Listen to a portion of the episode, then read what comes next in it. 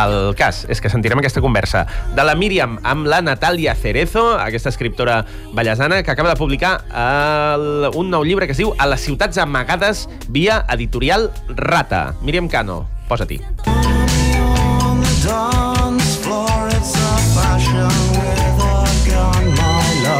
Bon dia, experts. M'he costat fins a la Laia de Pau Claris per parlar amb la Natàlia Cerezo, que publica a les ciutats amagades amb Rata, un recull de contes que a mi m'han captivat, segurament perquè té allò que tenen els bons contes, que obren una finestra, si estan una estona, i la tornen a tancar. Jo us podria dir què podrien ser aquestes ciutats amagades, però m'estimo més que ens ho expliqui ella. Bon dia, Natàlia. Bon dia. Aquestes ciutats amagades, que no són tals, al final, com les definiries tu? Bé, d'alguna manera volia reflexar la complexitat que tenen els personatges, com si la complexitat de ser humà fos un, un mapa d'una ciutat, no? En una ciutat, doncs, la pots viure de moltes maneres diferents, encara que portis molts anys vivint-hi. Un dia pots girar una cantonada i de sobte perdre't o veure les coses amb uns ulls nous perquè ha plogut i el que et semblava familiar ha deixat de ser-ho i volia recuperar aquesta sensació una mica d'una cosa coneguda que descobreixes per primera vegada. Les ciutats també són els llocs que habitem, no? I en els teus contes, un cop llegits, veus que hi ha molta vida i sobretot doncs, aquesta vida viscuda que deixes en els diferents llocs que has habitat durant la teva vida. Sí, per exemple, en el càmping suposo que es deu notar molt, no? Que és un lloc important i, i on has viscut es nota la teva presència i quan hi tornes, doncs tornes a reviure una mica el que havies viscut anys o quan sigui. Els teus contes es nodreixen, com molt bé deies, d'aquest record, no? Són personatges que majoritàriament recorden des d'una perspectiva o del temps o del bagatge o diguem-li com, com vulguem, no? però el record té una presència molt important, jo diria que no només a nivell de vivència, sinó sobretot, i això crec que és el que fa especial els teus contes, a nivell sensorial. Sí, perquè moltes vegades és una sensació el que et porta un record, no? No només és que vegis una cosa i te'n recordis, de vegades és una olor o com en un dels contes una mare que li posa la crema a l'esquena a la filla i és aquella sensació que tu també havies tingut i això pues, permet recordar els personatges i suposo que al lector també li permet connectar d'una manera una mica més animal, per dir-ho d'alguna manera, no? no basada tant en, en la lògica o en el cervell com en el que estem notant. A banda de, dels sentits, com dèiem, d'aquestes aquest, sensacions que tu explicaves molt bé, no? Tots podem reconèixer, a tots ens han passat i, i per tant ens hi connectem de seguida. Um, els llocs, um, el paisatge sobretot, no? no tant el lloc concret, sinó tot allò que l'envolta, el verd, la pluja, tots aquests elements de la natura també hi són molt presents, no? com a, aquell braç que t'agafa i et porta cap al passat que vols explicar.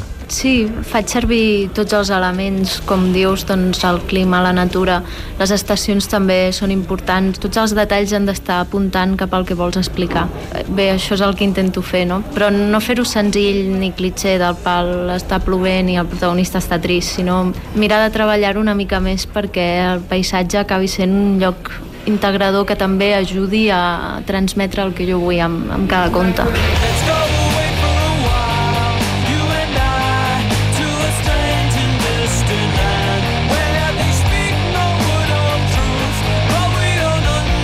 Són contes en què jo hi noto una escriptura molt pausada, molt mesurada. No són contes, o almenys tinc aquesta sensació jo, escrits a raig. Es nota que t'hi has aturat, que ho has pensat, i d'alguna manera aquesta cadència molt lenta també es transmet a la teva escriptura, però en canvi la lectura dels teus contes no, no és lenta, i a mi em sembla una cosa molt difícil d'aconseguir. Que curiós. bueno, sí, sí que trigo molt a fer cada conte. De vegades la mitjana són uns mesos. El més ràpid vaig trigar només tres setmanes i la veritat és que va ser un descans perquè no m'havia passat mai, però la resta són mesos i mesos i mesos i això de llegir, bueno, és que jo els he llegit tantes vegades per revisar-los que, no sé, hi ha vegades que vaig més lenta i més ràpida, però m'alegra que el lector faci via, no? Perquè, no sé, trobo que ha de lliscar, que ha de veure una mica com en una pel·lícula el que està passant. El recull de contes l'acompanyen dos paratextos de la Marta Oriols i en Josep Lluís Badal, i em va semblar molt encertat, no? Perquè tant els textos d'en de, Badal com de la Marta Oriols també, d'alguna manera, ajunten una mica l'esperit dels teus contes, no? En Badal amb, amb tota aquesta falera també, com tu, per la sensualitat, per allò natural, pel detall, no? per l'observació de l'entorn, i la Marta, que té també, com tu, aquesta cosa amb les relacions humanes, amb la parella, amb els germans, amb aquesta història, no? i em sembla molt encertat. Bueno, jo la Marta no la coneixia, però quan la vaig llegir em va agradar molt i ara tinc moltes ganes de llegir el llibre que surt avui i després l'aniré a buscar. Re, el Badal és que ja em coneix, vull dir que més aviat ell com jo és més aviat al revés, jo sóc com ell, no? Com que m'ha ensenyat a llegir, potser no literalment, però coses bones, doncs suposo que és inevitable una mica, no? Que els textos s'assemblen a les olles. Sí, però és més aviat una qüestió d'una manera de mirar el món, no? En els teus contes ens, es transmet aquesta obsessió, tot i que obsessió no és la paraula que m'agrada utilitzar, però aquesta obsessió pel detall, no? Per anar a buscar i fer focus en aquella cosa que tot d'una et revela una veritat, no? Jo penso que més enllà del mestratge, això es té o no es té, sí que soc, pots dir obsessió i li pots dir mania i li pots dir el que vulguis perquè realment clar, com que trigo tant de temps a escriure-ho i sóc tan lenta és, mato molt per cada detall fins que no trobo exactament el que vull dir no... i després també esborro molt perquè si els detalls estan envoltats de no sé, de coses sobreres llavors és com si no existissin It's a rainy afternoon 1990.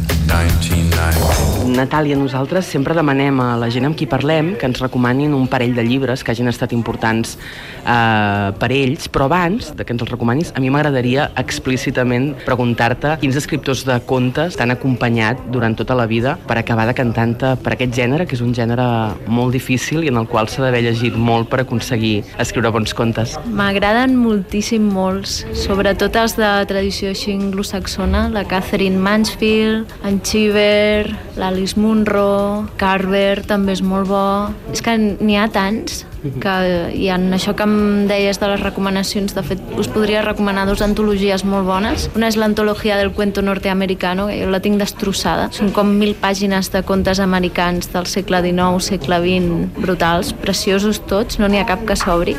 I després fa mig any, em sembla que va ser Catedral va treure una antologia de la infantesa, que precisament la va fer el Badal, que està també superbé. Molt bé, i a sobre l'edició és molt maca.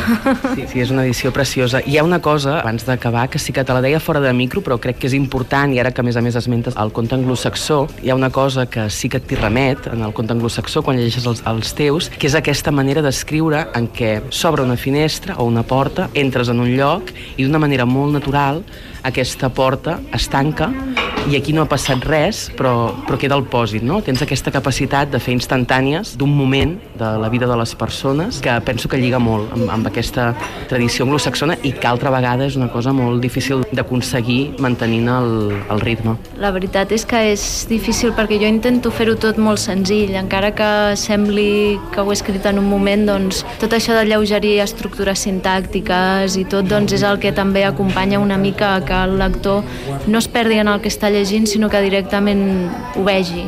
Jo ho faig seguint la tradició anglosaxona, com dius, que és més aviat treballant molt amb coses senzilles, una mica així en plan menos es más, no? que està una mica de moda dir-ho ara també. Doncs moltíssimes gràcies, Natàlia Cerezo. Has fet un llibre fantàstic, jo crec que se'n parlarà moltíssim. No puc recomanar-vos el més, aneu-lo a buscar. Molt bon dia, Natàlia, moltes gràcies per haver parlat amb nosaltres. Moltes gràcies a vosaltres. I fins la setmana que ve. Bon dia, experts.